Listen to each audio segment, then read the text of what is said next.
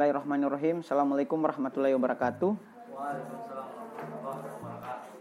Selamat datang di Resensi Podcast, sebuah media alternatif yang membahas pelajaran-pelajaran atau hal-hal yang tidak dipelajari di sekolah, di kampus, dan di dunia kerja. Nah, malam ini kita akan membahas salah satu buku menarik yang mana buku ini ditulis oleh David Walsh Wallace Uh, bukunya sendiri itu masuk ke dalam uh, nominasi buku terbaik uh, versi Goodreads 2019. Nah, kita harus terima kasih dulu kepada Gramedia Pustaka Utama karena telah menerbitkan buku ini di tahun yang sama buku ini terbit di terjemahan aslinya atau di Amerika. Uh, karena kebanyakan buku-buku terjemahan itu baru terbit satu dekade atau 10 tahun. Contohnya buku-buku yang telah kita diskusikan sebelumnya, misalnya uh, buku Outlier, buku uh, tentang uh, Star with Why itu semua satu dekade baru muncul. Tapi ini menarik David Wills Wallace ini di tahun yang sama sudah terbit. Termasuk bukunya kemarin hmm, Melinda Gates itu di tahun yang sama dan masuk juga best selling uh, books versi Goodreads. Nah, uh, buku yang akan kita bahas ini adalah buku yang uh, bergenre uh, tentang ekologi atau lingkungan lebih tepatnya, perubahan iklim. Judulnya adalah Bumi yang tak layak dihuni. Nah, agak agak agak agak serem juga nih. Uh, judul bukunya Bumi yang tak layak dihuni. Nah, di uh, buku tersebut itu dijelaskan sekitar hampir 300 halaman itu mulai dari uh, banjir,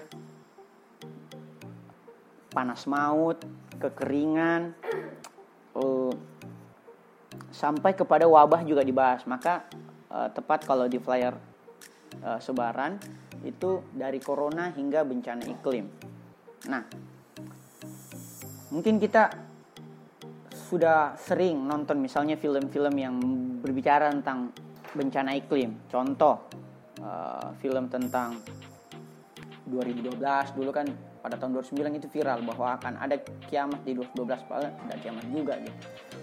Uh, contoh lagi misalnya yang paling terbaik mungkin Interstellar uh, arahannya Christopher Nolan. Begitupun juga dengan novel-novel misalnya kayak novel uh, Mars yang kita, yang uh, kita tiba-tiba pindah atau bermigrasi ke Mars banyak sekarang film-film atau novel-novel yang mengangkat tentang bencana iklim tapi film-film atau novel-novel itu hanyalah gagasan imajiner tidak menjelaskan secara komprehensif apa yang terjadi sebenarnya terhadap bumi kita ini maka buku ini tepat untuk uh, menjadi semacam uh, metode yang bisa kita komparasi bahwa uh, apa sih yang terjadi dengan bumi sekarang ini? Apa itu bencana iklim? Apa itu pemanasan global? Apa itu climate change dan sebagainya? Nah, yang pertama dibahas karena ini ada empat bagian. Yang pertama dibahas dulu rentetan-rentetan kekacauan. Salah satunya adalah panas maut. Nah, sekarang kata penulis bukunya ini David Wallace bahwa panas sekarang adalah suhu bumi terpanas yang pernah ada selama bumi ini eksis. Jadi ini sekarang yang paling panas. Bahkan biasa kita dalam ruangan ber AC masih panas juga. Jadi AC sebenarnya tidak cukup banyak membantu. Bahkan kehadiran AC sebenarnya itu justru men menimbulkan karbon-karbon yang kemudian keluar lagi ke ruangan ke luar ruangan. Itu yang membuat efek panas bumi itu semakin meninggi. Sehingga orang-orang di Timur Tengah atau Afrika itu berbondong-bondong atau eksodus bermigrasi ke Eropa dengan asumsi bahwa di Eropa itu rentan e, rentan konfliknya itu lebih minim dan cuacanya lebih dingin. Padahal di Eropa juga se sementara mengalami pemanasan global. Bahkan di kutub utara atau di e, daerah yang wilayahnya itu relatif lebih dingin, misalnya kayak Rusia, terjadi pelelehan. Pelelehan itu artinya uh, es di sana di kutub utara ataupun kutub selatan itu sementara mencair. Sehingga ini masuk kepada rentetan kekacauan yang kedua, yaitu air laut sekarang sementara meninggi. Bahkan diprediksi dalam buku ini dan menurut beberapa literatur pada tahun 2050 Jakarta itu akan mengalami banjir.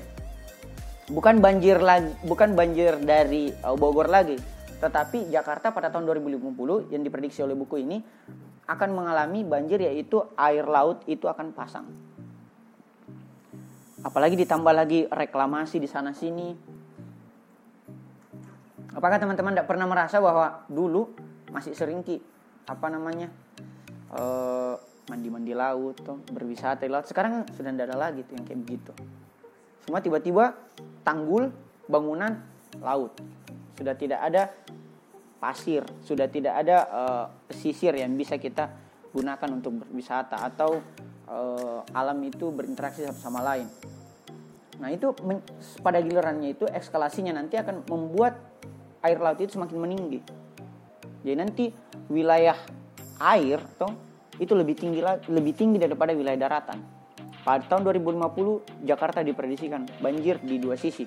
Sisi dari uh, gunung yaitu Bogor sama sisi dari laut.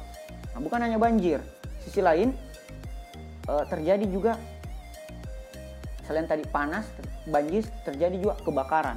Kebakaran hutan sekarang itu bukan hanya ada di negara-negara tropis, tetapi juga di Amerika. Coba teman-teman lihat di YouTube negara yang paling sering juga mengalami kebakaran adalah wilayah-wilayah yang relatif dingin seperti Amerika. Apalagi kalau ditambah dengan adanya oknum-oknum sebagian oknum yang sengaja membakar hutan demi pembukaan lahan, misalnya kelapa sawit. Sini mungkin ada teman-teman yang dari Mateng atau wilayah-wilayah yang uh, mengalami banyak uh, pembabatan demi terbukanya lahan-lahan pertanian baru misalnya lahan sawit. Sebenarnya itu mencederai keberlanjutan atau ekosistem kita. Nah itu kebakaran. Jadi pertama ada panas mematikan ada banjir ada kebakaran dan bencana iklim ini kenapa dikatakan bencana iklim karena selain dia mengalami rentetan kekacauan juga mengalami paradoks di satu sisi itu air air laut meninggi itu artinya ya volume air lebih banyak daripada yang sebelumnya. Tapi sisi lain, kita mengalami kekeringan air di daratan. Telah banyak kita saksikan di media atau di televisi atau di majalah wilayah-wilayah yang uh, kekurangan air. Bukan hanya oleh kekurangan, bahkan dia sudah mengalami kekeringan. Contoh teman-teman kalau lihat di NTT atau misalnya di luar negeri Afrika atau di bagian India pedalaman, kalian lihat bahwa yang digunakan untuk mandi atau bahkan dikonsumsi itu air comberan, bro. Air comberan dipakai. Jadi kita harus lebih banyak bersyukur di sini. Ya, alhamdulillah sanitasi kita masih lebih jernih dibandingkan saudara-saudari kita yang uh, mengalami kekurangan atau bahkan kekeringan air. Nah, selain kekeringan air, tadi ada panas mematikan, juga sering sekali sekarang terjadi wabah Nah, wabah ini sebenarnya bukan sesuatu yang baru. Misalnya corona. Corona ini bukan bukanlah wabah uh, yang baru ada pertama kali di bumi. Sudah banyak sekali. Misalnya kalau di Sapiens dijelaskan tentang wabah pes pada abad pertengahan di Inggris itu mematikan mayoritas warga Eropa. Jadi mayoritas bukan sebagian kecil, bukan cuma negara tapi Eropa. Di abad ke-15 itu hanya segelintir orang yang bisa bertahan dari wabah pes atau biasa dulu disebut sebagai sihir hitam. Silakan baca Sapiens untuk uh, melakukan uh, koreksi terhadap uh, apa yang saya sampaikan ini. Jadi dulu itu lebih parah lagi. Bahkan kalau kita mau compare corona ini tidak lebih mematikan dibandingkan SARS, MERS atau flu babi. Sebenarnya corona ini cuman angka uh, terakhir kan saya lihat di data tadi jam-jam sekitar jam 8 yang terindikasi positif di seluruh dunia itu sudah 150-an ribu positif corona. Sementara yang meninggal itu sekitar sudah 5.000 orang lebih. Itu artinya corona itu uh, angka kematiannya ketika kita di uh, indikasi positif itu cuma sekitar 3 sampai 4 persen. Dibandingkan SARS, MERS, flu babi dan sebagainya itu lebih mematikan. Cuma kan sekarang sudah ada yang namanya sosmed sehingga eskalasi berita informasi itu lebih viral bahkan banyak yang lebih dalam tanda kutip kalau kita compare dengan buku yang kemarin diposting di YouTube matinya kepakaran banyak yang lebih ahli daripada ahli nah jari-jari kita mungkin lebih ahli daripada ahli nah, tadi ada dua orang yang coba saya kontra narasikan. Kenapa saya harus penting untuk membalas uh, statusnya karena berbahaya kalau dia lanjut terus. Nah, ada perbedaan mendasar antara lockdown dengan uh, social distancing.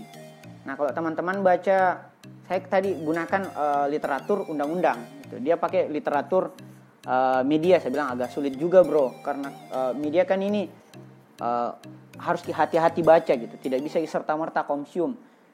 Nah, dalam Undang-Undang Nomor 6 Tahun 2018 tentang kekarantinaan rumah sakit, di situ disebutkan bahwa lockdown yang kalau kita transliterasi dalam bahasa Indonesia namanya karantina itu terbagi tiga.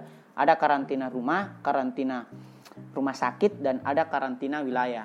Nah, karantina rumah itu kalau cuma beberapa orang dalam rumah itu yang terindikasi misalnya virus ya corona. Ya rumahnya aja yang dikarantina.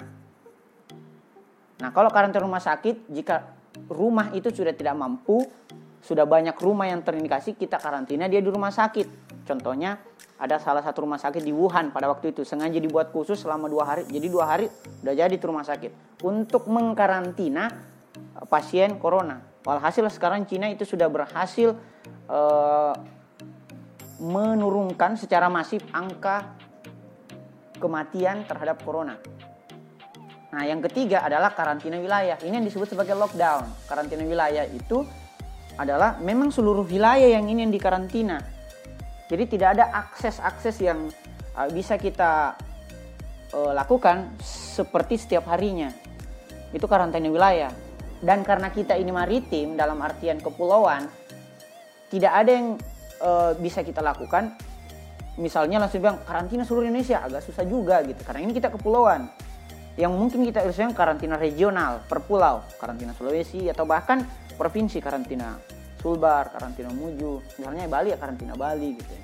Jadi agak sulit kalau bilang karantina Indonesia agak sulit juga gitu. Ya. Saya agak panjang tadi, ya wasting time juga sih tapi ya agak uh, uh, menurut saya itu penting kita lakukan kontra narasi terhadap itu. Banyak implikasi negatif kalau kita melakukan karantina keseluruhan banyak. Tidak terjadi akses perekonomian eh, pemerintahan dan sebagainya. Maka pilihan yang dilakukan pemerintah adalah social distancing atau pembatasan sosial. Kalau karantina wilayah ya biar tukang bakso yang lewat-lewat itu sudah ada. Jadi memang seperti jam jaga malam itu namanya karantina atau lockdown. Jadi tidak ada sekali lagi aktivitas. Ini kalau kita mengacu pada undang-undang nomor 6 tahun 2018 tentang kekarantinaan rumah sakit Kecuali kalau kita pakai tafsir sosmed. Kalau kita pakai tafsir sosmed, dia bilang oh, lockdown masih ada juga orang lewat-lewat, misalnya di Denmark. Akan berbeda sekali eh, peristilahan pada suatu negara dengan negara lainnya. Misalnya dia bilang eh, Denmark di lockdown, tapi masih ada yang beberapa yang bisa beraktivitas.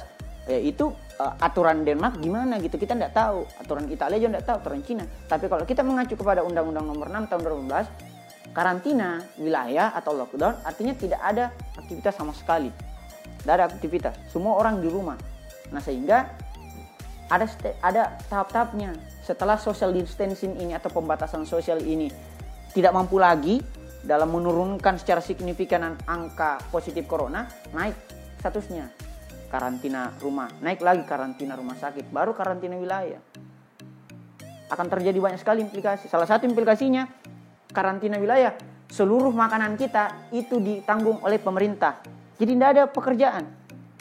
Semua bahan pokok selama 1 sampai 6 bulan itu ditanggung sama pemerintah. Silakan cek di undang-undangnya.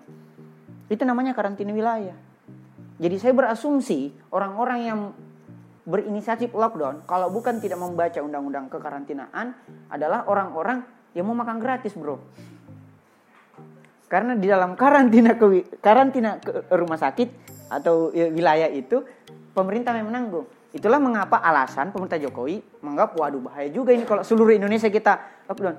Kasih makan itu 271 juta untuk Indonesia. Walaupun ada tentunya poin positifnya. Poin positifnya pasti sangat signifikan menurunkan penyebaran atau proliferasi virus. Pasti.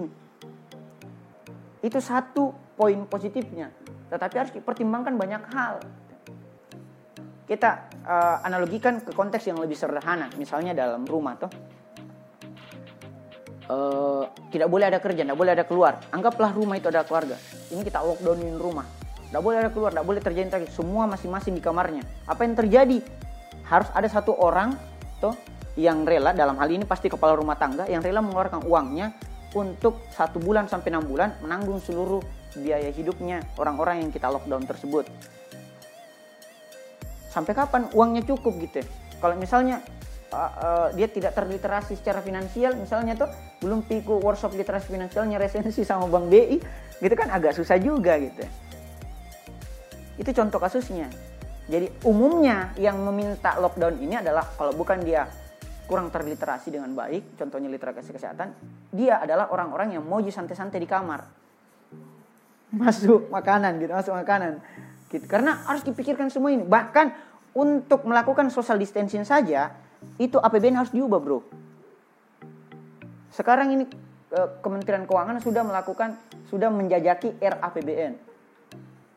Sorry, APBNP, Anggaran Anggaran Pendapatan Belanja Negara Perubahan Memang dalam uh, Undang-Undang APBN disebutkan bahwa jika terjadi situasi bencana nasional itu bisa diubah anggaran.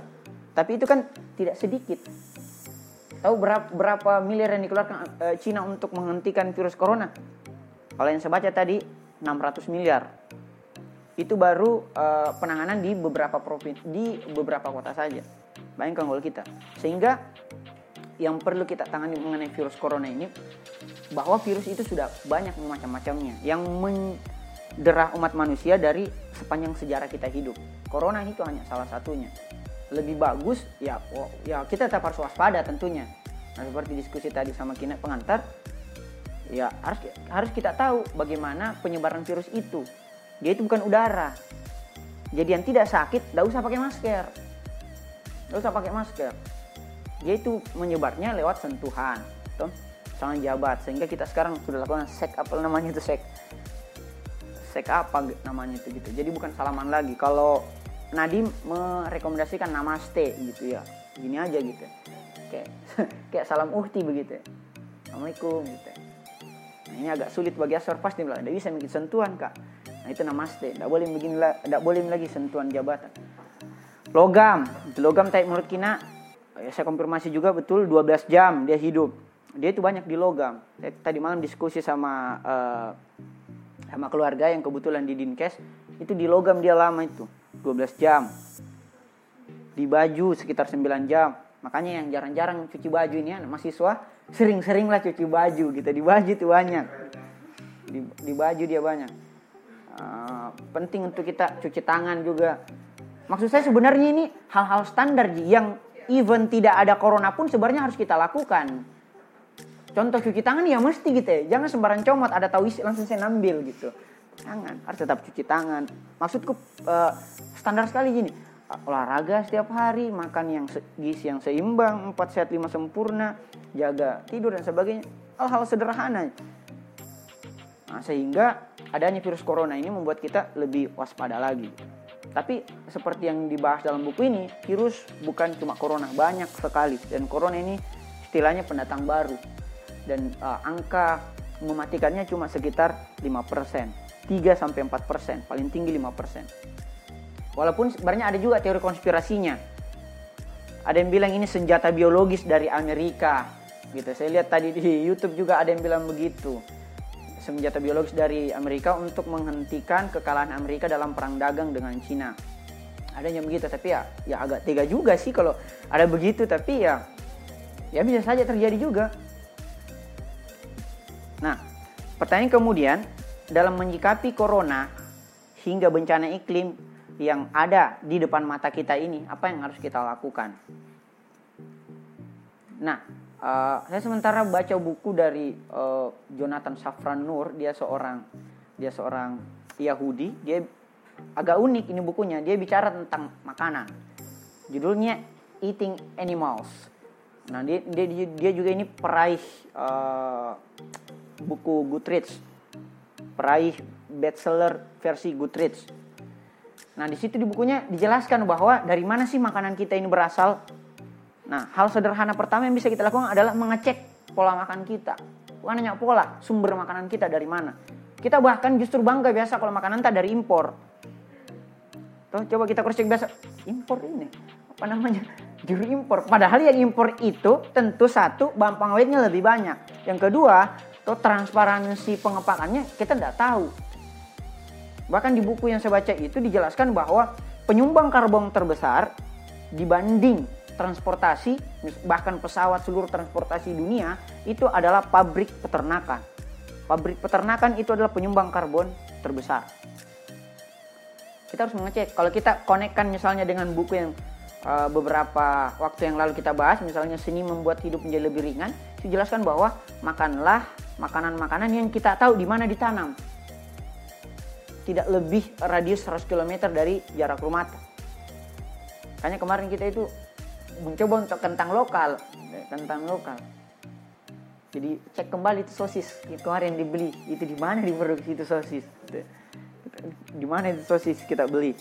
Nah itu baru satu. Baru tentang pola makan. Harus kita perhatikan. Yang kedua, kita harus memahami bahwa kaidah anstropik atau e, peraturan alam semesta itu tidak antropomorfisme. Dalam artian alam semesta ini bukan dibuat hanya untuk manusia gitu. Sehingga cuma manusia yang bisa memerintah ini itu dan hanya manusia yang tidak bisa dilarang ini itu.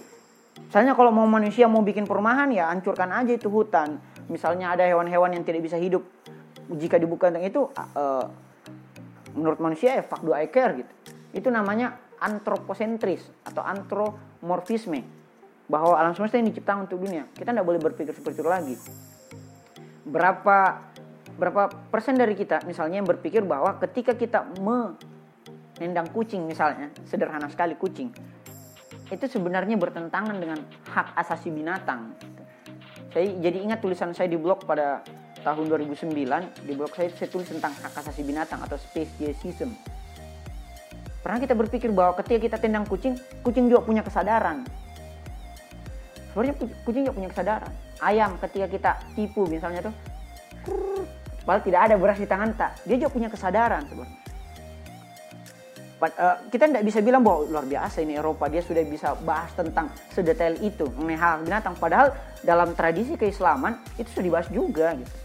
Bahkan Quraisy bilang Rasulullah melarang kita untuk menipu binatang. Misalnya kita apa namanya kucing mau kita kasih sesuatu padahal tidak ada. Atau bahkan nyamuk itu tidak boleh kita tepuk mungkin sedikit juga yang tahu bahwa nyamuk itu makannya bukan darah nyamuk itu eh, konsumsinya itu adalah serbuk sari di bunga-bunga jadi darah yang diambil oleh induk nyamuk itu hanya diberikan kepada anak nyamuk yang baru lahir. Kita kan uh, apa sekonyong-konyong saja, wah nyamuk, kampret nih, pang gitu ya. Padahal bukan untuk dia gitu. Mending diusir aja. Gitu. Pernah tidak kita berpikir dengan uh, dengan jumawanya kita jalan, kita tanpa peduli di situ ternyata ada nyamuk lagi pemilihan kah atau lagi apa pacaran kah dia gitu. Kita kan jalan aja gitu. Kita tidak pernah sadar itu karena kita merasa bahwa yang eksis cuma manusia. Padahal even nyamuk sekalipun, bahkan nyamuk ada dibahas dalam Al-Quran kan, lebah, semut itu dibahas semua. Itu artinya Tuhan juga menghargai individu sekecil nyamuk, sekecil semut, sekecil lebah, bukan cuma manusia. Walaupun manusia adalah halifah. Halifah menurut Quraisy dalam Al-Misbah, dia bilang halifah adalah penanggung jawab terhadap keberlanjutan alam semesta. Jadi kita penanggung jawab, bukan pemimpin dalam artian yang harus dilayani. Justru kita yang harus melayani. Sehingga kalau kita mau fair, bukan cuma Barat yang melakukan uh, upaya untuk keberlanjutan alam semesta. Bahkan orang Islam sendiri yang paling harus, yang harus paling pertama, yang yang harus paling pertama yang aktif terhadap isu-isu lingkungan itu. Mulai dari panas yang mematikan sampai penyebaran virus. Bahkan sabdanya disebutkan bahwa nanti akan ada virus kan di sabda itu banyak yang populer sekarang di media akan nanti ada virus dan umatku akan terhalangi dari itu karena umatku senantiasa menjaga wudhunya gitu. Wah hal-hal sederhana saja gitu. Sudah wudhu, cuci tangan lagi itu kan lebih bagus lagi gitu. Nah, saya akan menutup ini dengan uh, perkataan dari Aming. Jadi Aming ini, uh, you know lah komedian. Tapi ini relevan dengan uh, isu yang sementara hangat. Aming bilang gini bro, bahwa pada akhirnya bukan corona yang membunuh kita, tapi saudara-saudara kita sendiri yang punya duit. Berbondong-bondong, ngeborong sampai stok kosong. Soalnya kan banyak ini stok kosong sekarang kan, masker, sanitizer. Sobat miskin mungkin cuma bisa bengong, dimatiin oleh saudara-saudara sendiri dalam keadaan kelaparan. Sekarang, siapa yang lebih jahat? Corona atau manusia. Terima kasih. Assalamualaikum warahmatullahi wabarakatuh.